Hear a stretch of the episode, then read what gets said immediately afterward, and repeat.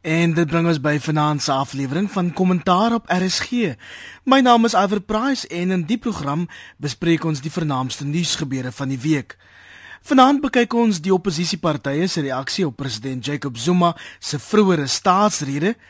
Verkiesingskoers loop hoog na mate die verskillende partye hulle manifeste bekendstel en ons vra of die tussenverkiesings die week 'n voorloper kan wees vir 8 Mei. Ons bekyk ook ten slotte die SAIK se dramas Na 'n verdoemende verslag van die openbare beskermer. Die paneel vanaand professor Andre Dievenage en Theo Venter, albei politieke ontleeders verbonde aan die Noordwes Universiteit.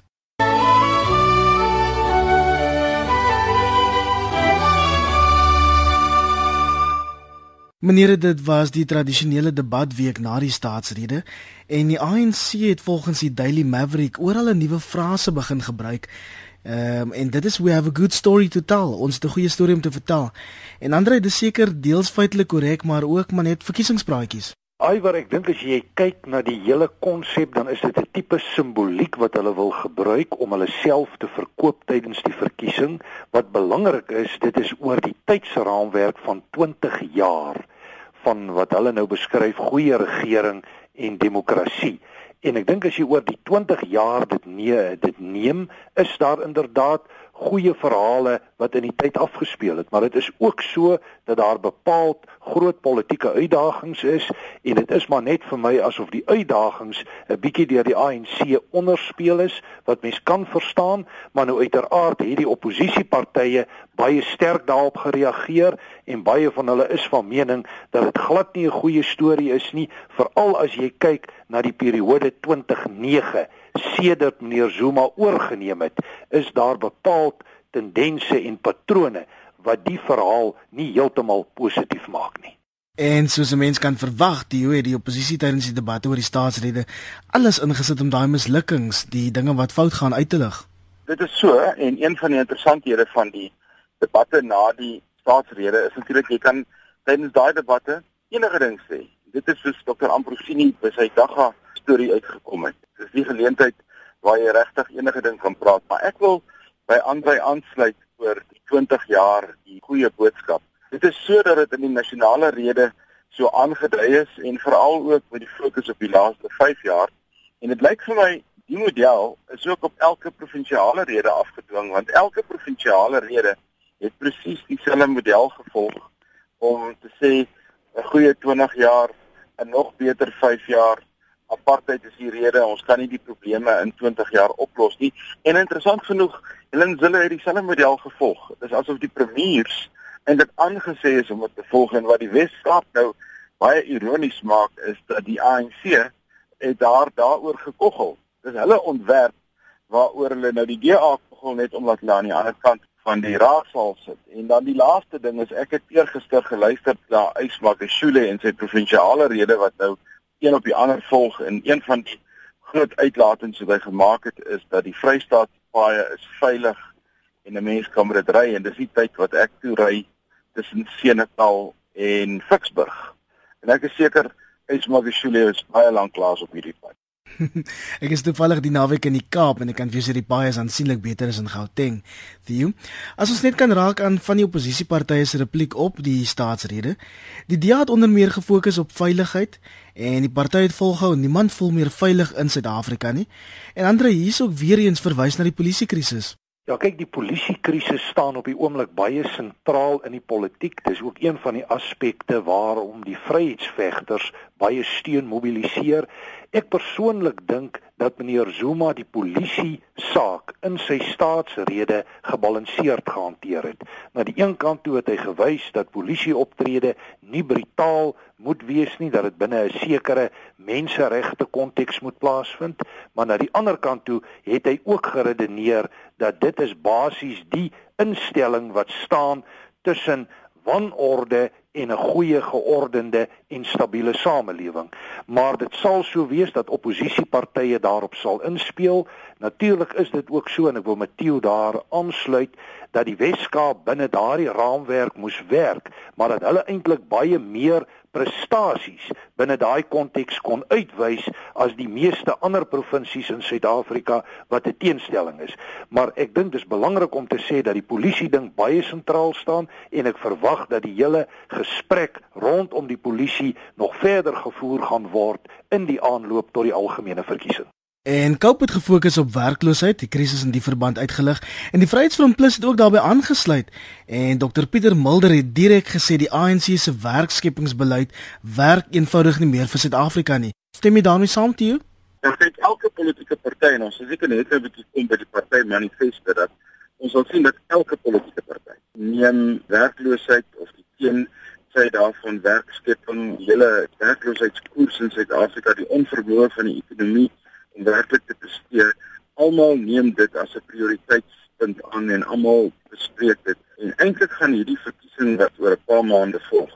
Dit lyk vir dit gaan 'n verkiesing wees oor veral watter model dink ons of dink Suid-Afrikaners gaan ons uit hierdie probleem uitkry oor die lang duur want dit is tog nog Suid-Afrika se een van sy grootste probleme en dit is werkloosheid en die onvermoë van die ekonomie, veral die moderne ekonomie om met ontwikkeling en met groei ook werk te skep want ons weet nou dat die moderne ekonomie in die wêreld groei ten koste van werkskepping en nie deur middel van werkskepping nie. Dis nou een ding om te sê en die verskillende politieke partye sien dit verskillend. Die een ding is kom ons skep werk op allerlei kreatiewe en interessante maniere, maar jy moet produktief bly want as jy nie produktief bly in terme van jou geldeenheid en in terme van hoe jy ekonomie groei, dan help hierdie interessante werkskepingsmodelle glad nie en die model wat die DA aanvanklik ontwikkel het en wat die ANC um hortend en stotend aanvaar het onder 'n ander naam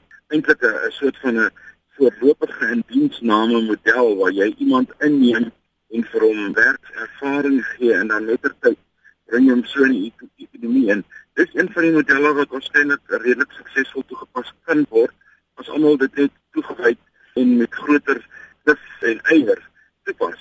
So dit bly die probleem en dit is dit is waaroor waaroor al die politieke partye eintlik instemmig is en dit het verskillende sienings stel. Eiwer, uh, ek stem heeltemal saam met jou. Ek wil nog verder gaan as dit en sê ek dink daar bestaan breë konsensus oor min of meer al die groot strategiese vraagstukke in Suid-Afrika. Werkskepping is een, sosiale sekerheid, grondhervorming, daar is ook die hele kwessies van onderwys, gesondheid en so meer. Maar wat ek dink belangrik is is om te sê dat die partye verskillende sienings het oor hoe hierdie sake bestuur moet word.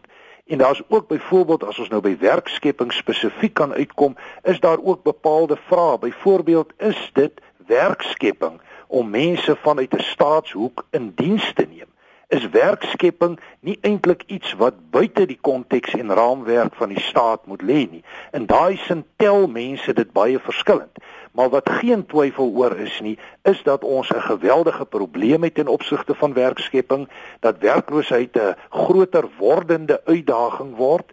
My indruk is ook dat die situasie verder versleg het veral in die Zuma tyd en dat hier waarskynlik drastiese maatreëls moet kom om dit te hanteer. Persoonlik is ek redelik eensstemmig met die breë strategie van die nasionale ontwikkelingsplan. Ek dink dit is 'n basis waarvandaan daar gewerk kan word om beter werk te skep, maar nou weet ons ook dit is 'n punt van kontroversie binne die ANC en is dit ook so dat die ANC ook nou in die aanloop tot die verkiesing die nasionale ontwikkelingsplan baie sterk onderspeel vanweë ideologiese verskille binne die ANC en ook natuurlik die lyn wat die vryheidsvegters tans loop wat ons gesien het oor die naweek 'n geweldige sterk momentum opgetel het met 50000 mense wat hulle bekendstelling van die verkiesingsmanifest bygewoon het. So hier is 'n klomp sake hier wat 'n rol speel, maar wat vir my duidelik is, is dat werkskepping waarskynlik die grootste enkele uitdaging is binne die Suid-Afrikaanse konteks. En dan 'n ander tamaletjie was die regering se besluit om die grondhervormingseise te heropen en ek sien op sosiale media die DA het veral groot slag gekry omdat hy glo in hierdie verband saam met die ANC in die bed is. Tieu. Ja, ek dink dis 'n bietjie kwaadwillig. Eh, die DA het nog nie 'n finale besluit hieroor geneem nie. Ek weet hulle moet nog vergaderings hou en daar's vandag sou hulle 'n uh, bekendstelling van hulle manifest gekom het. Dit sal daarin gereflekteer word. Die DA sit natuurlik met 'n dilemma dat uh, die ANC bepaal die rigting waarin die politiek in die breë beweeg. En jy kan nou jy kan nou heeltemal dwars daarteenoor gaan reageer en 'n sekere wins behaal of nie, maar die werklikheid van die politieke proses is dat jy so na as moontlik aan die regering moet beweeg en dit wat werk gebruik en miskien net 'n ander soort van perspektief daarop plaas om te kyk of jy dit kan laat werk. En en dit is lyk by die DA strategie. Die DA se strategie is as ons nie 'n bietjie 'n groter aandeel kry aan die swart politieke mark in aanhalingstekens nie, dan kan ons eintlik maar ons ons skills ophang, want dan ons nie 'n rol in die politiek. En as jy dit wil doen, dan moet jy bepaal 'n ander benadering tot die politiek volg en dan moet jy ander mense voorstel en dan moet jy ander beleide begin omarm grondhervorming soos Andre net nou gesê het, saam met werkloosheid en 'n paar ander goed. Dit definieer die Suid-Afrikaanse politiek. Maar professor Grond bly 'n netelige kwessie in die land. Die verwagting is dat tot 380 000 nuwe eise ingedien gaan word en ons praat hier van 'n geraamde koste van 179 miljard rand vir die staat. Alhoewel as ek net so 'n bietjie kan terugstap op dit wat Theo daar gesê het, die DA is in 'n dilemma in die sin dat hulle wil hulle self vestig as 'n oppositieparty wat baie sterker is en waarskynlik ook vorentoe 'n regering. En om dit te doen, moet hulle swart steun mobiliseer. Nou die vraag vir hulle is, hoe mobiliseer jy swart steun suksesvol in sekere sektore? maar behou jy ook jou bestaande steunbasisse wat dikwels meer konservatief is en 'n ander kyk het op dinge. Nou dis vir my duidelik dat daar binne die demokratiese alliansie verskillende denklyne bestaan. Ons het dit gesien 'n tyd gelede met die ekwiteitswet, dit het weer na vore gekom met die mislukte huwelik by Agang en op die oomblik is dit ook vir my asof die demokratiese alliansie verskillende syne uitstuur of hulle baie weifelend is. Hulle is bang om hier sterk standpunte in te neem. Ek het 'n tyd gelede met DA leiers gepraat en hulle het gesê die rede hoekom daar ondersteuning is vir hierdie uh, opening van die grondhervormingseise is vanweë die staat se swak hantering hiervan in die 90er jare, maar hulle het dit ook gekwalifiseer en gesê daar moet bepaalde geld hiervoor wees en as daar nie geld is nie, kan dit nie slaag nie en dan moet dit natuurlik ook binne 'n volhoubaarheidskonteks geplaas word. So die DA het dit nooit heeltemal net so aanvaar nie. Dit is 'n gekwalifiseerde aanvaarding. Maar as ons nou moet kyk na 380 000 uh moontlike grondeise, jy praat van 197 miljard rand hier ter sprake, dan moet ek sê dat dit baie moeilik hanteerbaar is. En is ook interessant dat die Suid-Afrikaanse Instituut vir Rasseaangeleenthede die week geweldig sterk uitgekom het hierteen en dit eintlik so ver getrek het as om te sê dat dit 'n tipe van 'n verskroeide aarde beleid tot gevolg kan hê. Nou ek dink wat belangrik is hier om te sê is dat grond waarskynlik die mees sensitiewe saak op die oomblik is binne die Suid-Afrikaanse politiek. En die uitsprake van meneer Malema oor die naweek sal waarskynlik die sensitiwiteit hiervan verhoog. So ek dink dis een van die kontroversiële kwessies, maar waar die DA presies staan is nie vir my duidelik nie en ek dink dit is in die DA se belang dat daar duidelikheid en klarigheid kom oor presies waar hulle hulle definieer in hierdie verband. Alhoewel ek wil miskien net so 'n klein historiese perspektief op dit wat Andre gesê het en wat ek ook gesê het. Jy weet, as 'n mens kyk na na grondhervorming oor die laaste 100 jaar in Suid-Afrika, dit was nog altyd 'n baie sensitiewe kwessie, maar dit was verskillend gehanteer. In 1913, toe ons eintlik begin het met die proses van omvangryke grondhervorming is die die sukses daarvan is uiteindelik ondergrawe en geërodeer deur die tekort aan geld die uitbreek van die Eerste Wêreldoorlog verdeling in Afrikaner geleedere in die politiek en dis meer toe ons die tweede ronde aanpak hier rondom 1936 het dieselfde ding ons weer getref. Toe die stelsel net op dreef was, toe breek die Tweede Wêreldoorlog uit. Daarna neem die Nasionale Party oor. Dit vat die Nasionale Party omtrent 10 jaar net om regering gewoon te raak. En toe hier in die 60e jare begin met die sogenaamde konsolidasie van die tuislande wat maar net grondhervorming was, dit weer skibreek gelei as gevolg van 'n tekort aan geld. Hulle kon meeste van die sogenaamde tuislande nie konsolideer nie en in 'n sekere sin van die studieveld waaruit ons kom, is dit duidelik dat die ondergang die nemesis van grondhervorming is die kommitment van die regering en beskikbare geld vir grond beskikbaar. Die ANC probeer dit nou hanteer deur 'n evalueerder generaal in te stel om kyk hoe die die die proses hoe grond eintlik in die mark kom en hoe dit gehanteer kan word beter te bestuur volgens hom nou maar die groot probleem histories gesien is daar's nooit genoeg geld vir die hoeveelheid grond wat uitgekoop moet word om die politieke behoeftes te bevredig soos hierdie mense uitgespreek het dit bly 'n dilemma Meneer, as ons kan aanbeweeg, daar is tussenverkiesings die week in 10 verskillende wyke reg oor die land gehou. 13 politieke partye is verteenwoordig, sowel as 4 onafhanklike kandidaate. Professor, wat maak jy oor die uitslag of van die uitslag? Is dit 'n voorloper vir die 8 Mei verkiesing? Wel, ek dink dit is altyd gevaarlik om na tussenverkiesings te kyk en op grond van hulle te veralgemeen. Uh so ek sou versigtig wees om dit sonder meer as 'n pertinente lyn te vat. Wat vir my positief was is die een in die uh, Noord-Kaap waar die DA se steunbasis geweldig gegroei het en waar die DA eintlik baie na aan die ANC beweeg het. Ek dink die kiesafdeling was Daniel Skuil geweest. En as ek dit sê, dan sê ek dit is breedweg in lyn met tendense wat mens maar optel hier in meningsopnames wat vir jou wys dat die ANC wel onder druk is in bepaalde omgewings dat die DA besig is om sy posisie ten minste in sekere kontekste te vergroot en in daai sin dink ek is hier sekere belynings met wat ons waarneem in die groter politiek. Maar ek sal versigtig wees om 'n direkte lyn uit kleiner tussenverkiesings te neem en dit te projekteer op die nasionale politiek Interessant die tussenverkiesings hier in die Wes-Kaap. Die ANC het twee van die drie tussenverkiesings gewen. Dis in Saldanha Bay en Khayelitsha. Die DA het wel Strandfontein met 80% gevat. En ek het nou die naweek die Kaapse koerante gelees en hulle maak 'n groot ding daarvan dat die DA nie so verseker moet wees nie of dat dit nie so maklik gaan wees om noodwendig weer na 8 Mei in beheer te wees nie. Is dit hoe jy die lyne ook lees daar toe?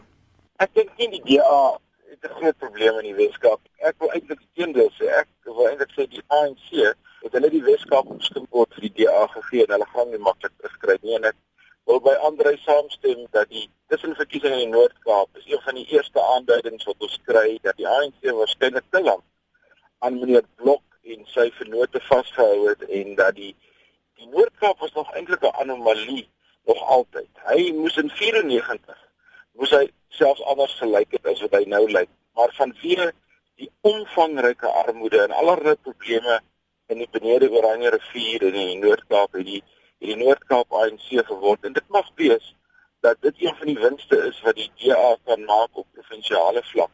Maar ek wil ook ek wil ook sê dat mense baie versigtig wees met plaaslike um, verkiesings want daar is daar's plaaslike issues en daar is plaaslike individue wat so 'n groot rol speel dat hulle eintlik die nasionale prentjie heeltemal skeef trek. As ons kan aanbeweeg na die politieke partye wat nou almal stadig maar seker hulle verkiesingsmanifeste bekendstel. Die DA se was vroeër vandag. Is daar enigiets wat u daar wil uitlig, professor? Wel, uh Iwer, ek dink die DA soos ons dit maar vroeër genoem het, is in 'n bepaalde situasie waar hulle probeer om te herposisioneer om groter swart steun te kry. Ek dink in opsigte is hulle suksesvol. Ek lees hulle manifest in lyn met hierdie breë herposisionering van hulle hulle self binne die politieke omgewing, maar dan is daar terselfdertyd ook maar 'n poging om bestaande steunbasisse te behou en te probeer konsolideer. Wat duidelik is is dat die DA dieselfde sentrale kwessies hanteer as die ANC, maar dat hulle benadering tot daardie kwessies vanuit 'n ander verwysingsraamwerk kom en in sommige opsigte skerp verskil van die van die ANC, maar dat die groeperinge op 'n wyse nader aan sentrum beweeg en hier praat jy van die ANC konteks. Dit is vir my redelik duidelik.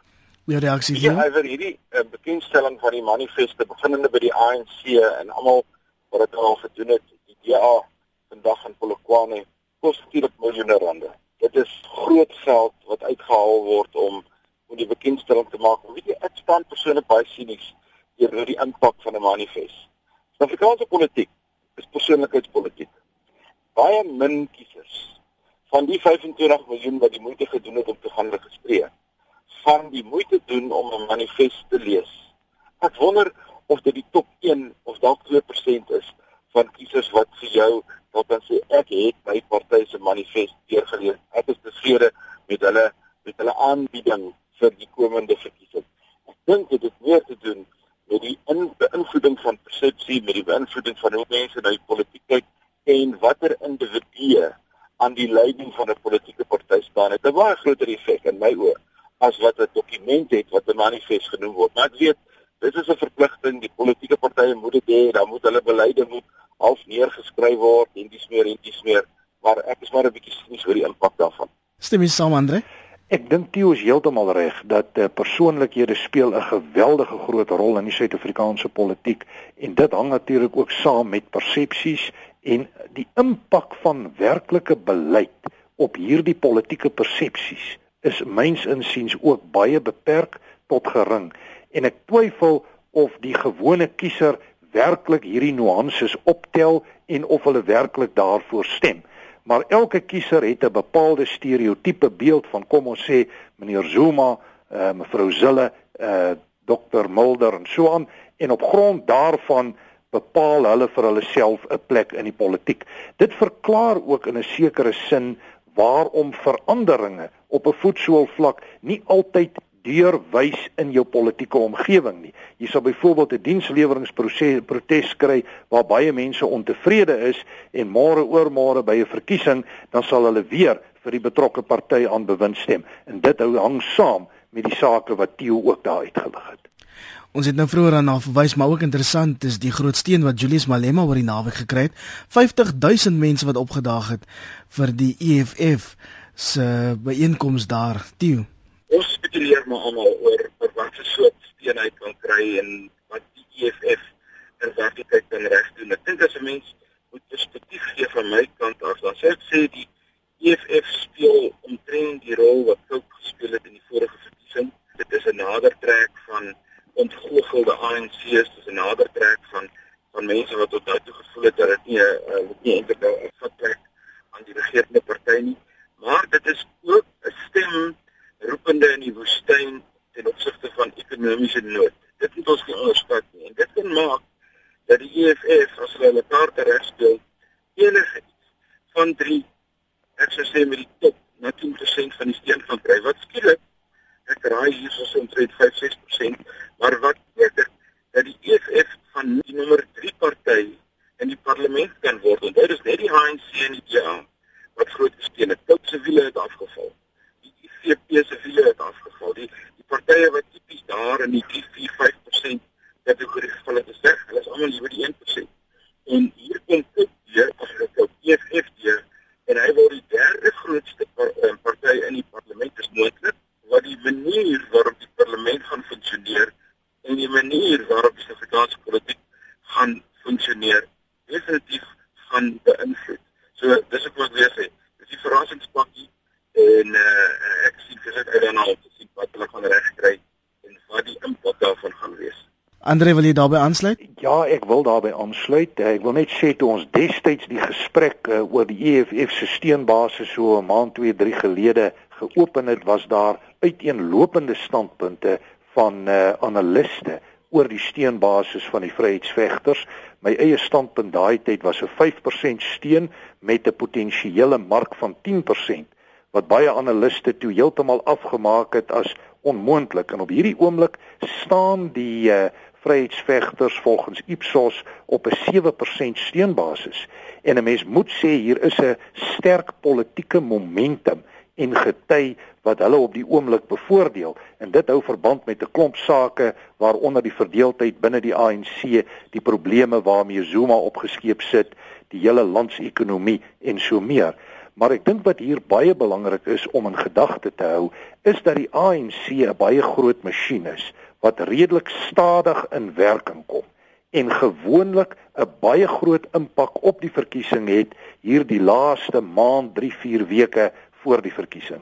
En ek dink ons moet verwag dat die ANC met 'n bepaalde inpoging gaan kom, maar laat die vryheidsvegters waarskynlik kan eindig as die derde sterkste party in die parlement. Hoe dit presies meneer Malema se posisie met sy dreigende sekwestrasie gaan raak, dit is nie duidelik op die oomblik nie, maar laat daar EFF mense in die parlement gaan wees is vir my op hierdie stadium duidelik. Wat natuurlik interessant is, is dat hulle in sekere provinsies, waaronder die Noordwes, op groter steun aanspraak maak en hulle begin reeds die geluide te maak dat hulle bepaalde koalisieregerings wil afdwing in Noordwes en moontlik Limpopo en so meer. Hulle eie aspirasies is natuurlik 20%. Ek dink dit is 'n bietjie hoog en 'n mens sal nie uh dink hulle kan strukture kry om 'n 20% basis te mobiliseer en suksesvol by die stembasis af te lewer nie. So ek staan hier by 'n 5% plus, maar dat die EFF 'n groot impak gaan hê is so, ek dink ons kan duidelik sien dat die politieke debat in Suid-Afrika besig is om 'n nuwe fokus en fokuspunte te ontwikkel en die EFF is baie instrumenteel in daardie proses. As ons kan aanbeweeg na ander nuus, die openbare beskermer Tuli Madonsela het maandag 'n verslag bekend gemaak waarin sy bevind het dat Claudie Motsoneng, die SAIK se waarnemende bedryfshoof, se aanstelling 19 jaar gelede onreëlmatig was.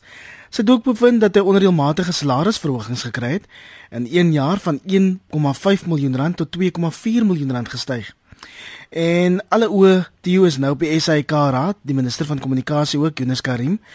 Wat behoort nou te gebeur? Daar behoort baie goed te gebeur, maar daar gaan niks gebeur. Meneer Mtsoneng is polities baie goed, baie baie goed gekonnekteer. Hy's 'n persoonlike vriend van meneer Ismagashule. Hy speel in die in die in die politieke dampkringe van ons president rond.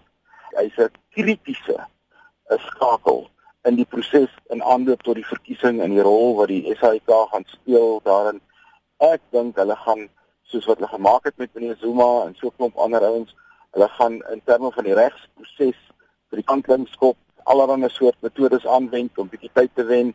As hulle van hom ontslaaw raak wat ek dink die regte ding is, dan sal dit na die verkiesing wees. Stem jy saam Andre? Ek stem heeltemal met Theo saam. Dit is so dat die SAIK groot uitdagings sê die verslag wys eintlik 'n totale afwesigheid van strategiese leierskap, maar ons weet dat hierdie probleme in die SAIK nie 'n nuwe ding is nie. Dit kom oor baie jare dink dit was al voor 94 op maniere problematies, maar na 94 was daar ook eintlik maar in die algemeen 'n onvermoë om 'n suksesvolle bestuursraamwerk rondom die SAIK te vestig. En dit hou baie nou verband met politieke intervensies en Theo is heeltemal reg dat uh, meneer Motsoeng is basies 'n aanstelling, 'n politieke aanstelling. Hy gaan oorleef deur soos hy tereg sê daar na die kantlyn geskop gaan word. Ek dink die ANC besef hulle benodig 'n baie loyale SAIK op hierdie stadium ten einde hulle te ondersteun in die verkiesingsveldtog. Maar ek sien nie hierin enige groter oplossings vir die probleme van die SAIK nie en 'n mens kan maar net hoop na die verkiesing dat daar bepaalde besluite geneem sal word om die SAIK se bestuurskonteks op 'n gesonde grondslag te plaas en ook die verhouding tot die politiek vir eens en vir altyd te definieer en uit te klaar, maar ek dink dit is waarskynlik 'n bietjie idealisties. Alhoewel ek moet nog 'n ding byvoeg oor die oor die openbare beskermer. Kyk aan die begin was die openbare beskermer 'n baie baie lamsakkige soort instelling. Dit is eers met die oorneem van Tuli Madonsela dat die artikel 9 instelling sy werk begin doen het soos wat die grondwet dit beoog het in 1996. Maar dit lyk vir my asof die Zuma presidentskap op hierdie stadium eerder as om die die aanbevelings van die openbare beskermer te implementeer eerder dit op 'n uitgestelde manier te hanteer. Ek dink nie hulle wil die hulle wil haar kantoor heeltemal ondergrawe nie, maar ek dink hulle hulle maak haar effektiwiteit op hierdie stadium maak hulle feitelik onmoontlik. En en dit is 'n dis 'n dis 'n demokratiese en 'n konstitusionele uitdaging wat die land het. as die presidentskap een van die instellings van die parlement wat eintlik my en jou moet beskerm, nie meer ernstig opneem nie. En ons weet 'n groep oppositiepartye het ook 'n strafregtelike klag gelê omdat meneer Motsonenglo sy kwalifikasies vervals het. En die oppositie sê die SAIK begin die land se grondwetlike demokrasie bedreig. Is dit 'n oorreaksie, Andre? Wel, ek dink ons moet sê dit is 'n verkiesingstyd. Uh mense probeer en partye en groeperinge probeer punte wen in die proses, maar ek dink daar is waarskynlik streng gesproke regsgronde om so 'n handeling te volg. Sover ek weet was die kollektief vir demokrasie wat 'n groep partye binne die parlement is wat saamwerk wat hiervoor verantwoordelik is en ek dink soos ek die saak lees tot die mate wat die verslag bekend is en uh, mense die die uitkomste daarvan kan aanvaar is daar regsgronde, maar weer eens geld dieselfde proses as vroeër. Regsprosesse is langtermynprosesse. Ons gaan nie uitkomste hiervan sien voor die verkiesing nie en waarskynlik na die verkiesing het ons weer 'n ander politieke wedstryd op hande. So ek dink sekere groeperinge probeer politieke punte aanteken, ander probeer vir die kantlyn skop en so gaan die wedstryd maar aan. Maar mense wonder hoe ruk mense SAIK reg? Dis 'n enorme organisasie. Elke keer met 'n nuwe raad, senior bestuur, afwesige bestuur. Theo, daar's al verskillende prosesse, verskillende goeders aangepas.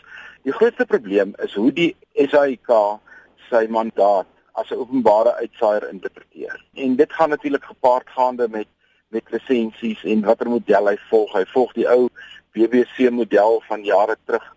Ek dink daar moet vernuwing kom ek dink die die die SAK het die vermoë net soos wat DStv en kyknet en al hierdie ander kompeterende programme het om uit advertensies alleen homself te kan laat werk, programme te kry subsidieer en 'n bietjie duidelikheid te kry oor wat sy openbare mandaat is. Sy openbare mandaat is nie net goeie nuus nie. Sy openbare mandaat is nie net die ondersteuning van die regering nie. Sy openbare mandaat is eintlik 'n lees van wat die gemiddelde Suid-Afrikaner se behoeftes is en hoe hy dit moet bevredig met 'n baie swaar stuk diversiteit daarin gebou om te kyk of die openbare uitsaaier uiteindelik en dit sou my advies wees 'n nuwe Suid-Afrikanisme kan ontwikkel.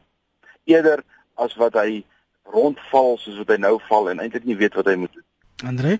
Ek dink alles wat Theo daar sê is geldig, maar daar's vir my amper 'n eerste hekkie om oor te kom en dit lê vir my by goeie bestuurs- en korporatiewe regeringskundige praktyke wat in plek moet kom en tweedens moet daar 'n baie sterk waardestelsel etiese grondslag ontwikkel word waarbinne dinge gedoen word. Ek sou dit as die eerste basisding wou neem. Dan tweedens stem ek met Theo heeltemal saam en dit is dat daar vernuwe moet word. Ons staan in 'n inligtingomgewing waar alles verander letterlik oornag en dit is tog vir my asof die SAIK besig is om agterstande te ontwikkel teenoor konkurrente in die mark. Daar is stadige beweging terwyl hulle eintlik strategies in alle opsigte bevoordeel word.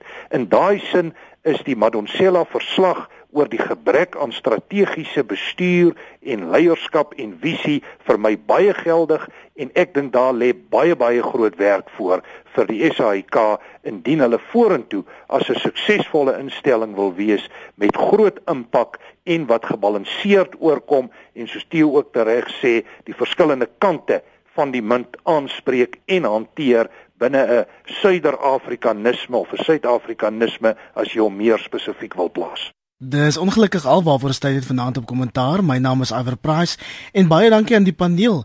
Professor Andre Dievenage van die Noordwes Universiteit. Baie dankie Andre. Dankie Iver, dankie Theo. En dan ook Andre se kollega Theo Venter. Dankie Theo. Baie dankie en goeienaand. Lekker aan verder. Totsiens.